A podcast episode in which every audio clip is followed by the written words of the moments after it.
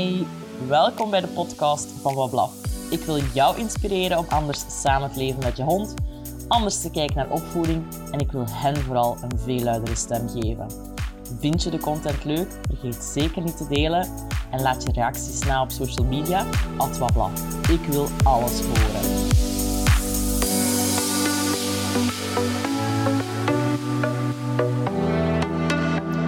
Welkom bij de podcast. Ik spreek vandaag met Anna en we gaan het hebben over leven met een mentaal zieke hond. En vooral over ja, wat als je alles geprobeerd en gedaan hebt en het dan toch niet lukt. Anna, welkom. Super erg bedankt dat jij ehm, vandaag deze podcast met mij wilt maken. Ehm, we kennen elkaar al een heel klein beetje. Ja. En ik wil jou graag eens vertellen ehm, waarom dat wij hier vandaag samen zitten. Wij hebben onze Australische herder Silla in huis gehaald.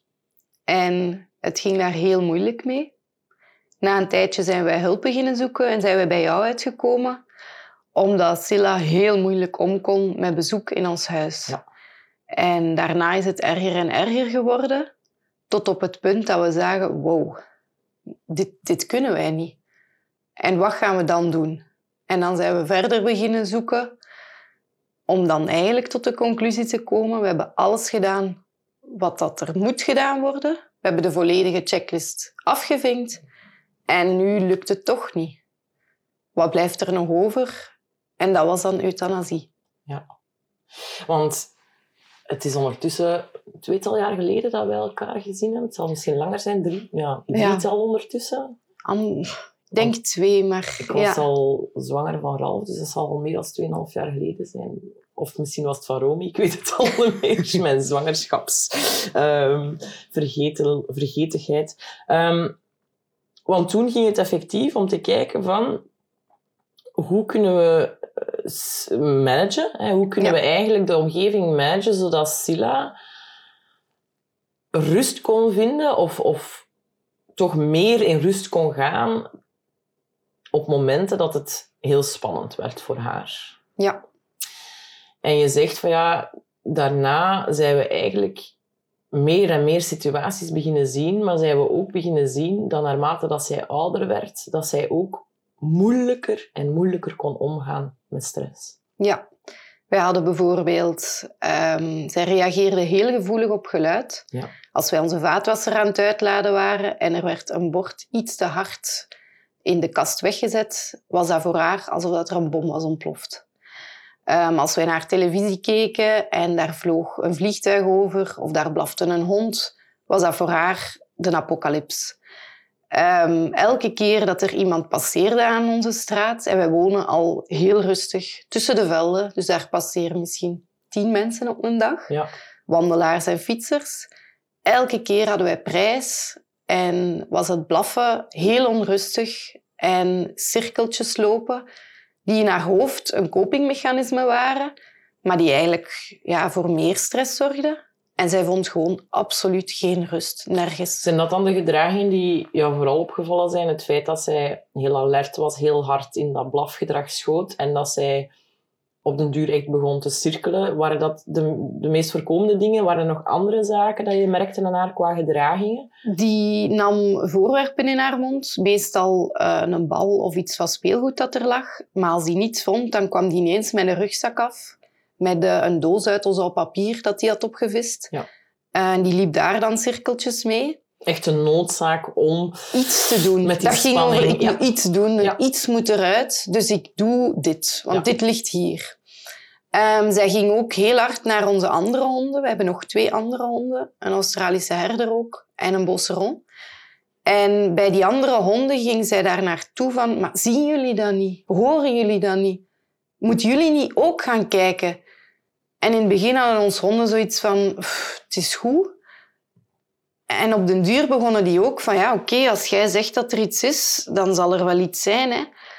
Waardoor zij eigenlijk gesterkt werd in... Ik ben het goed aan het doen.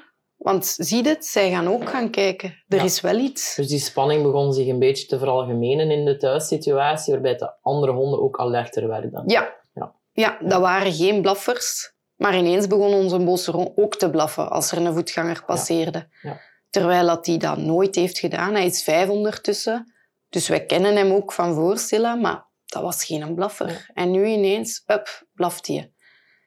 Hoe oud was Silla op het moment dat dat duidelijk is beginnen worden? Zij is uh, later bij ons gekomen. Zij was tien maand toen zij bij ons is gekomen. Dan hebben we haar... Het was eigenlijk van in het begin wel al. Dat reageren op geluid, dat verschieten, dat blaffen minder. Maar dat reageren wel. En zo heel nerveus zijn en rondlopen was er van in het begin. Maar wij hadden ook zoiets van, ja, we hebben hier een hond weggerukt uit zijn huis, uit zijn vertrouwde omgeving. Wij wisten wel dat die een hond bij ons ging komen, maar die hond weet dat natuurlijk niet. En ineens zit die een hond hier in een nieuwe omgeving met honden die hij al heeft gezien, maar maar een paar keer. Dus dat waren ook geen vrienden. Wij hebben haar een paar keer gezien, maar wij waren ook niet meer dan kennissen. En ineens zit zij hier in ons huis. Een nieuwe omgeving, alles nieuw. Dus wij hadden ook zoiets van, ja, wij moeten haar wel tijd geven om op adem te komen. En dat is normaal dat zij hier niet direct rust vindt. Ja. Maar dan na vijf, zes maanden hadden we zoiets van, het wordt erger. Ja. Ze vindt nog altijd geen rust. En wij weten niet wat we er nu mee moeten doen. Ja. En dan zijn wij bij jou beland. En dan is het traject eigenlijk gestart. Hè? Ja. ja. In eerste instantie, um, we hebben het daar juist uh, al even over lopen. Ja, heb je heel de checklist wel afgewerkt. Hè? Als het gaat over hoe gaan we dan met dergelijke problematieken om? Het is ook een periode, hè? Het, is, het is een heel drastische verandering geweest mhm. voor Sila op die leeftijd, maar ook um, een periode in de puberteit die, ja, waar ik wel vaker over spreek, heel intens kan zijn. Wat zijn voor jou de zaken van, ja, dat hebben we allemaal echt wel overlopen? Het starten al van voor Silla bij ons was. Wij gaan ons honden halen bij fokkers die goed staan aangeschreven. Wij hebben contact met de andere mensen uit vorige nesten, dus wij weten waar onze hond vandaan komt. Wij kennen de lijnen. We weten hoe belangrijk dat die puppyfase en de fases daarna zijn. Dus dat dachten we ook, dat is wel oké, daar zit het wel goed.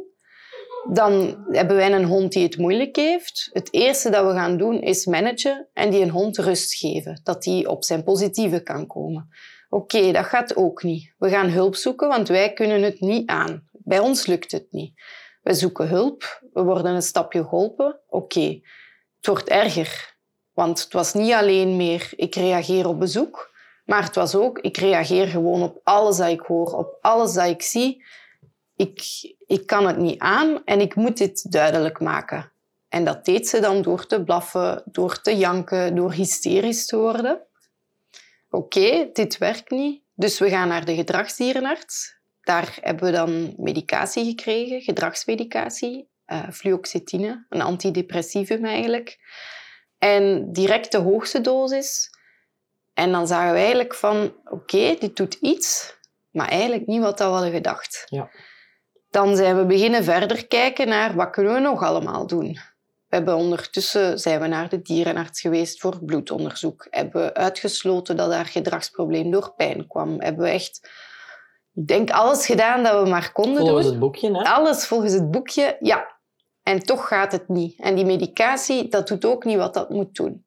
We werden niet zo goed opgevolgd door onze eerste gedragsdierenarts. En dan had onze gedragstherapeut gezegd van ik zou toch nog eens gaan voor een second opinion. Probeer het eens bij Tini. Dan zijn we bij Tini beland en dat was voor ons echt een eye-opener. Omdat we eindelijk een reden kregen van waarom doet die een hond eigenlijk zo? Ja. Want je zit met een hond die op papier heeft hij de ideale situatie. Die heeft mensen die begrip hebben, hondengedrag kennen, twee honden die zeer goed met haar zijn omgegaan, die zich heel open en tolerant hebben opgesteld. Ja, wij wonen al in de boeren buiten, dus nog prikkelarmer, ik weet niet waar. Dan ja, moeten... en qua opvoeding heb je met Silla eigenlijk ook alles rustig aan opgebouwd. Ja, ja, ja, ja, ja. wij zijn sowieso zijn wij niet echt de klassieke hondenschoolmensen. Wij trainen ons honden wel, omdat we willen dat, we, dat ze een basis hebben. Maar wij, zijn geen, wij trainen eigenlijk niet. Een keer dat ze die basis hebben, is het voor ons oké. en dan moeten ze eigenlijk ook niets meer kunnen. Wij hebben Silla heel veel autonomie gegeven. Van oké, als het in deze ruimte niet lukt, ga dan naar je mandje daar. Ja. Probeer dier te gaan liggen. Kies iets om te kauwen en houd je rustig. Dus heel veel autonomie op verschillende vlakken. Maar toch, ja, was het voor ons van het werkt niet, dus misschien doen wij wel iets fout. Ja. Terwijl we dan eigenlijk samen met Tini tot de conclusie zijn gekomen van ja, dit is gewoon een hond met een defect in de bovenkamer. En je kan het proberen manipuleren, maar eigenlijk Maar de manipulatie die je eigenlijk al aan het toepassen was, zit eigenlijk al, zoals we zeiden, volgens het tekstboekje juist. Hè. Je, past ehm, management toe, je gaat geen extra prikkels toevoegen aan, aan haar leven. Je gaat ook niet ehm, proberen forceren in training, omdat je ook beseft van ja, kijk, Silla, haar hoofd zit vol. Ja. Wij kunnen daar niets van, van nieuwe gedragingen bij krijgen. Zij is niet in staat om nu te leren. Je gaat haar ondersteunen met gedragsmedicatie. En wat is dan de volgende stap? Ja. Dan zijn wij beginnen kijken naar... Oké, we hebben al sowieso nodigden we al heel lang geen bezoek meer uit. Waren onze ramen afgeplakt. eh, zorgden wij voor heel veel rust en structuur in huis. Dus dat zit allemaal oké. Die medicatie doet niet wat dat ze moet doen. Kunnen we daar nog iets aan toevoegen? Ja, Dan heeft zij nog een angstremmer bijgekregen, ehm, die, waar we weinig eigenlijk van gemerkt hebben, maar die in theorie had dit, het, dat was de droomcombinatie. Dit had het moeten zijn. ja want dat, het is ook weer een, een, een extra traject dat je instapt, omdat dat ook wel Ja. wat tijd nodig heeft Ja. voordat die aanpassing zichtbaar is, voelbaar is. Ondertussen moet je alles in stand houden qua management, qua begeleiding, zodat die Ja. medicatie ook effectief zijn effect kan hebben.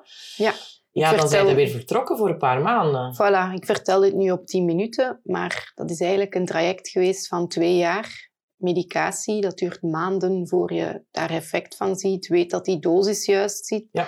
Dan komt daar een nieuwe medicatie bij, dus die moeten nog leren samenwerken. Dus daar moet je nog op wachten. Dat duurt heel lang voordat je kan zeggen, oké, dit doet iets of dit doet niets. Ja. Dan sta je veronderstel ik met je rug tegen de muur. Wat zijn de andere opties dan? Wij hebben het zelf naar voren geschoven van oké, wij kunnen haar duidelijk niet geven wat dat zij nodig heeft. Kan iemand anders het wel? Want dan staan wij open voor een herplaatsing, een adoptie. Als iemand daar die kans wel kan geven, ja, dan graag. Want wij willen eigenlijk gewoon dat ze een kans had. Ja. Maar dan werden wij snel teruggefloten door onze gedragstherapeut, onze gedragsdierenarts, van nee, dit is geen oplossing voor Silla, omdat zij het probleem in al die contexten gaat ontwikkelen. Ja. Het gaat er altijd zijn, want het zit gewoon in haar brein. Haar brein werkt niet zoals dat het moet werken. Dus het maakt niet uit waar dat je haar steekt, die, dat brein gaat niet werken. Dat is een beetje het, het, het deel van de epigenetica, hè, Ja. die, die bepaalt van welke verbindingen die gelegd kunnen worden of gelegd zijn. Ja, En waarvan het gedragsdienaar zegt van kijk, bij Sila zijn er gewoon bepaalde verbindingen niet gemaakt. niet gemaakt en slecht gemaakt. Ja. En dat kan je alleen maar manipuleren, onder andere door die medicatie. Maar dat gaat nooit een normale hond worden. Dat Ja. kan niet, want dat brein is niet gemaakt om normaal, wat dat ook mag zijn, maar dat brein is niet normaal. En normaal kunnen we misschien definiëren in de zin van Aanvaardbaar. evenwicht Ja. kunnen vinden in Ja. zichzelf. Hè? Vooral ehm, als er stress optreedt, om terug naar een balans te geraken. Ja. Ik denk dat, dat, dat we dat wel mogen benoemen als normaal Ja. zijn. Dat je daar zelf als individu de mogelijkheid toe hebt om dat te doen. Ja. Wel of niet met hulp van anderen. Hè? Dus jij, jij en je partner hebben haar daarin ondersteund. En dat lukte niet. Klopt. Ja. Dus enerzijds die epigenetica, daar kan je eigenlijk weinig tegen beginnen. Anderzijds het feit dat zij eigenlijk op papier niet beter kon zitten. Wij begrepen haar, ons honden begrepen haar. Wij waren supergoed in het managen. Wij hebben dat echt heel goed gedaan en toch lukt het niet. Ja. En dan hebben ze ook gezegd van ja, waar ga je haar wel steken? Wie gaat het beter managen dan jullie? Ja. Dat is zoeken naar een speld in een hooiberg. Klopt. We gaan die niet vinden. Dus nee, voor Silla is herplaatsing geen optie. Dan hebben we ja, verder gekeken naar wat kunnen we nog doen. Eh, er loopt een experimenteel onderzoek in Gent naar elektroshocktherapie eh, bij honden. En dat was eigenlijk heel veelbelovend voor honden met gedragsproblemen. Maar in ons geval geen oplossing. Omdat we elke maand Silla naar Gent zouden moeten doen en haar moeten in slaap brengen. Terwijl zij zeer slecht tegen die narcose kon omdat zij zodanig veel stress en adrenaline in haar lijf had, dat zij zich gewoon verzette tegen die slaapmedicatie. Ja. Ja. En wij hadden dan ook zoiets van, ja, wij willen dat wel doen. Kosten nog moeite, het maakt ons echt niet uit. Maar Silla moet het dan wel goed hebben. Ja. Terwijl, ja, zij is onder narcose gebracht voor bepaalde onderzoeken te kunnen uitvoeren. Zo die pijnonderzoeken Ja, bijvoorbeeld. onder andere. En, ja. En dan hebben we gezien van, ja nee, ze zijn hier twee, drie keer komen bijspuiten, omdat hij haar gewoon niet wilt geven. Ja. Die is tot de laatste seconde recht blijven staan, heel wankel, vol spanning in haar lijf, om dan echt neer te ploffen, omdat ze het niet meer kon. Toont En- eigenlijk echt aan hoeveel stresshormoon er in haar Ja. lichaam zit. Ja, ja, die heeft enorm gevochten. En dan ook de dagen nadien, want oké, dat onderzoek is dan wel gebeurd en oké, ze is terug wakker. Maar de dagen nadien was zij gewoon nog veel erger in haar gedrag dan anders. En als wij dat elke maand zouden moeten doen, dat haar aandoen, dat ons eigen en ons andere honden aandoen, zonder de garantie dat het werkt. Ja, want het is een experiment, ja. hè? Ja. En stel dat het dan werkt, dan zou zij dat levenslang moeten ondergaan. Ja. Dat is niet iets dat je kan zeggen zes maanden of kom zes keer en dan is het goed. Nee, dat zou heel haar leven zijn. Ja. En dat konden wij haar niet aandoen.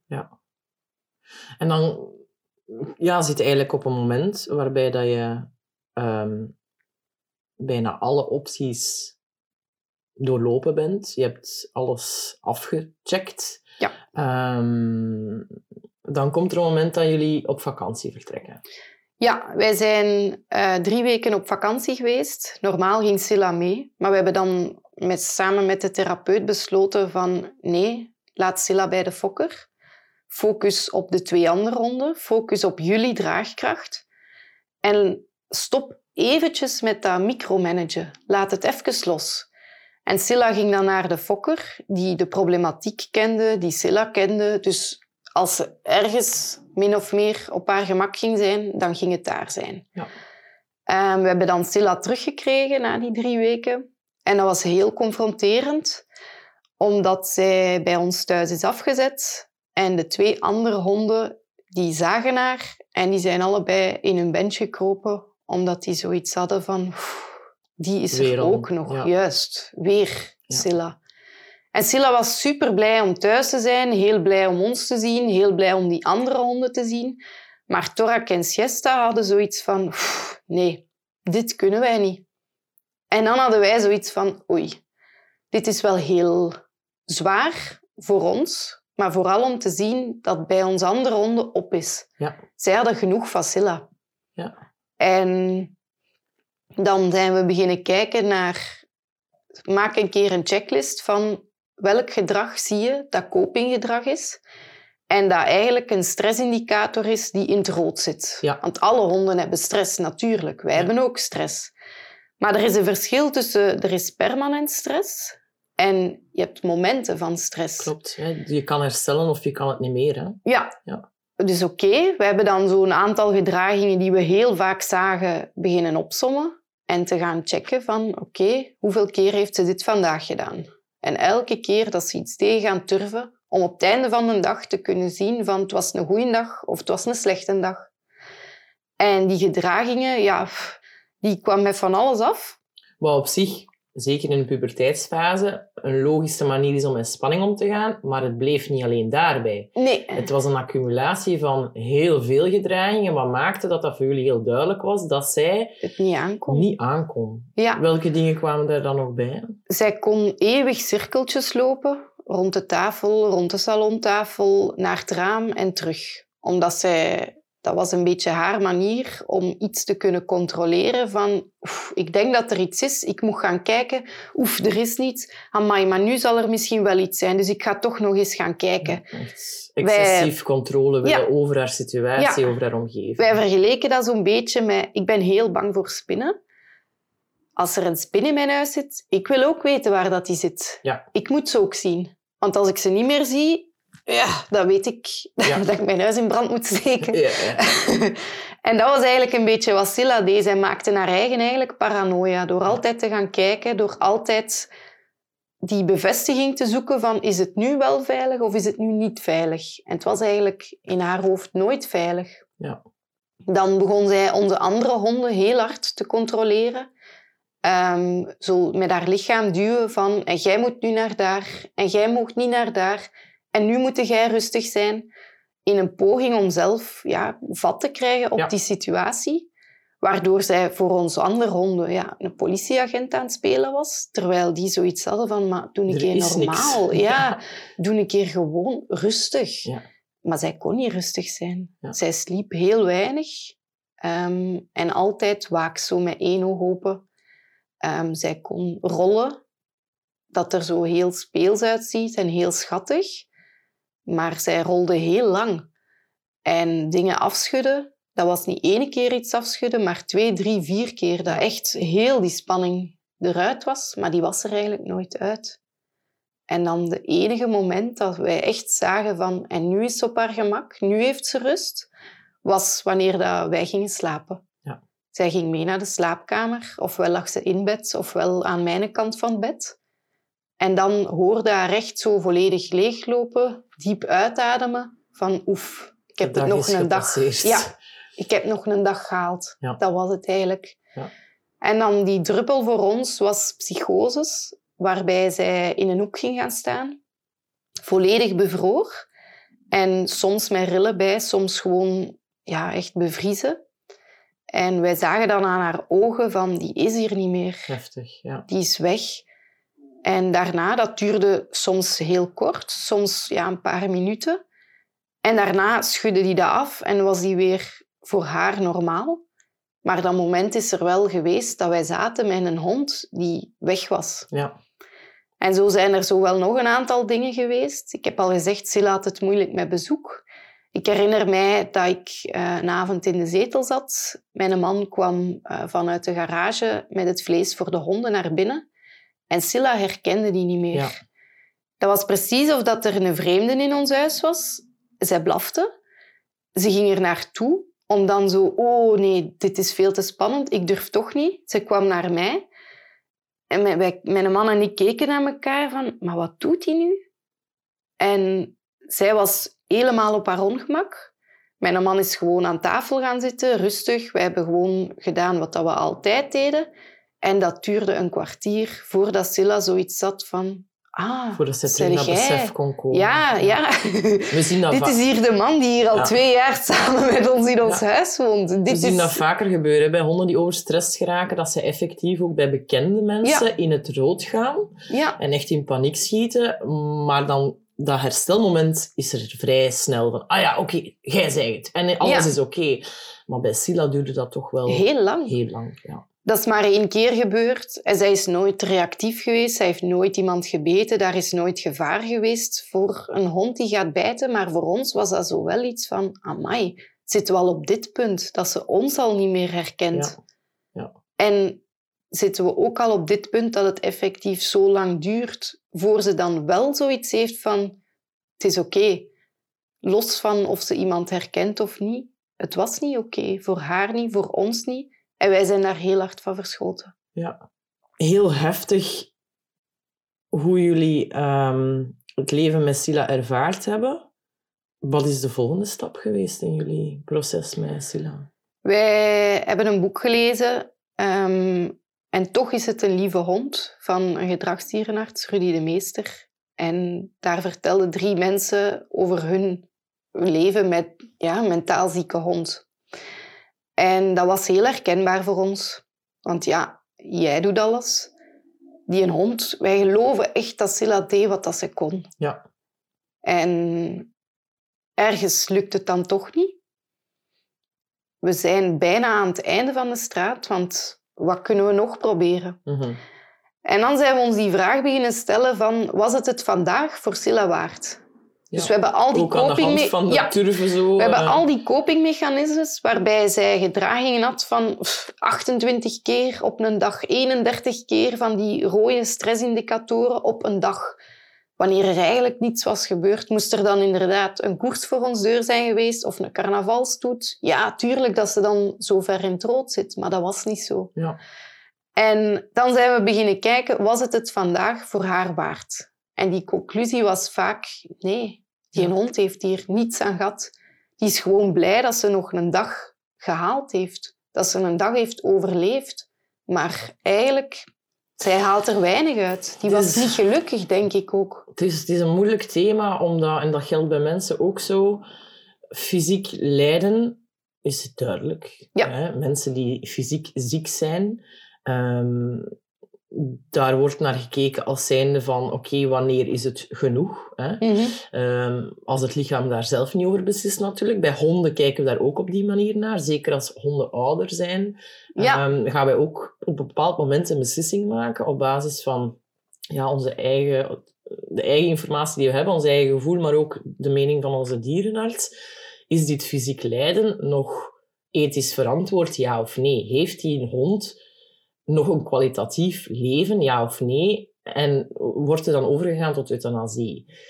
Bij dit soort ehm, situaties, Sila was drie jaar, Net werd drie jaar die maand drie een geworden heel zijn. jonge hond, waar dat we toch duidelijk vaststellen van oké, er is sprake van psychisch lijden, En maar fysiek in orde. maar fysiek in orde. En voor de buitenwereld, dat was het meest confronterende. Voor de buitenwereld was dat ook een hond die, ja, die was zenuwachtig. Ja. Maar is dat nu zo erg? De buitenwereld begreep dat ook niet. Zij zien die hond één uur, twee uur.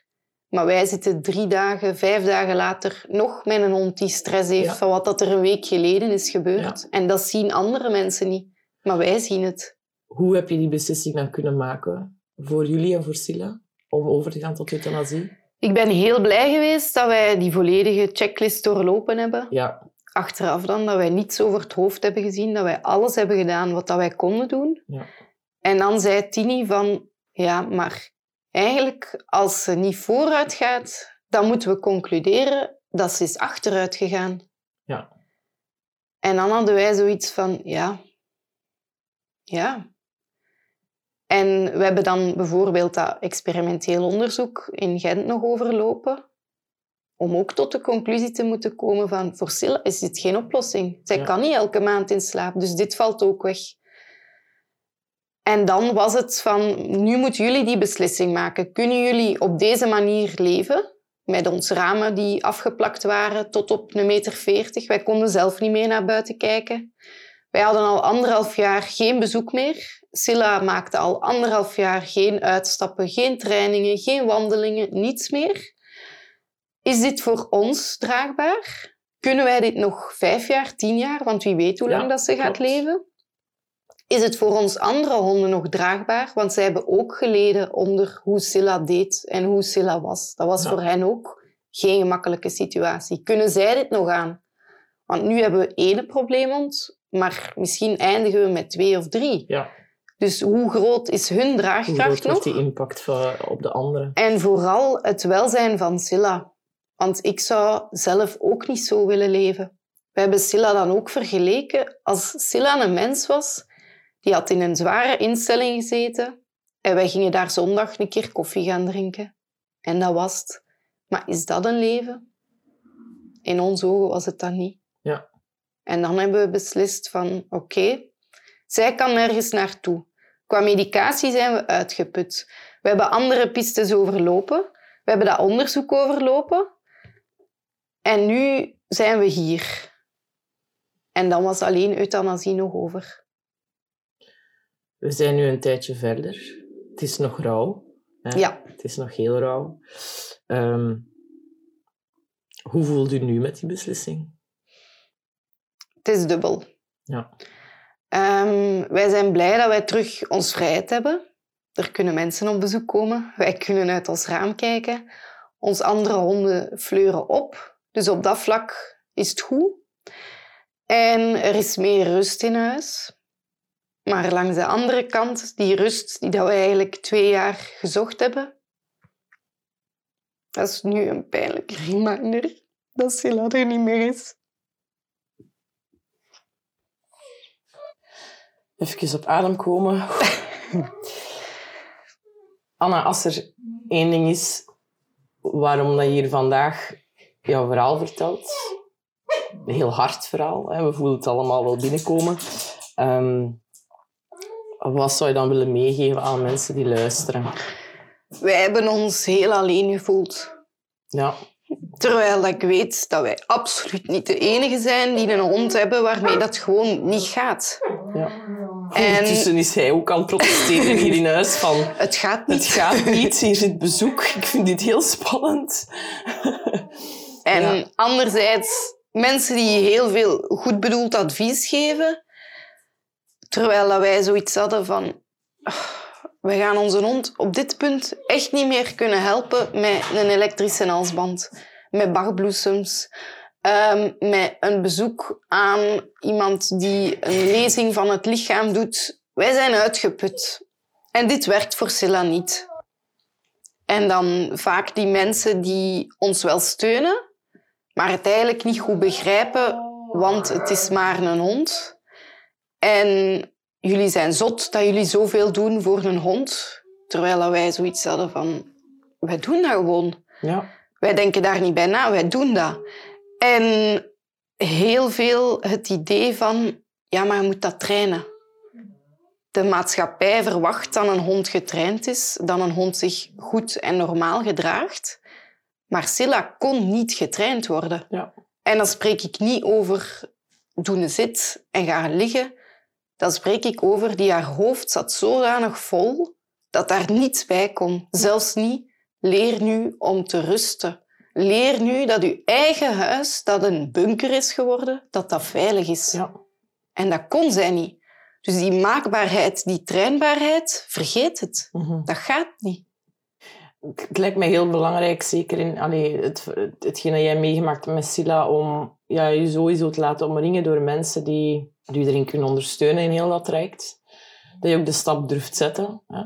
Mhm. En dan nog hè, ehm, blijft het een, een, een eenzame weg.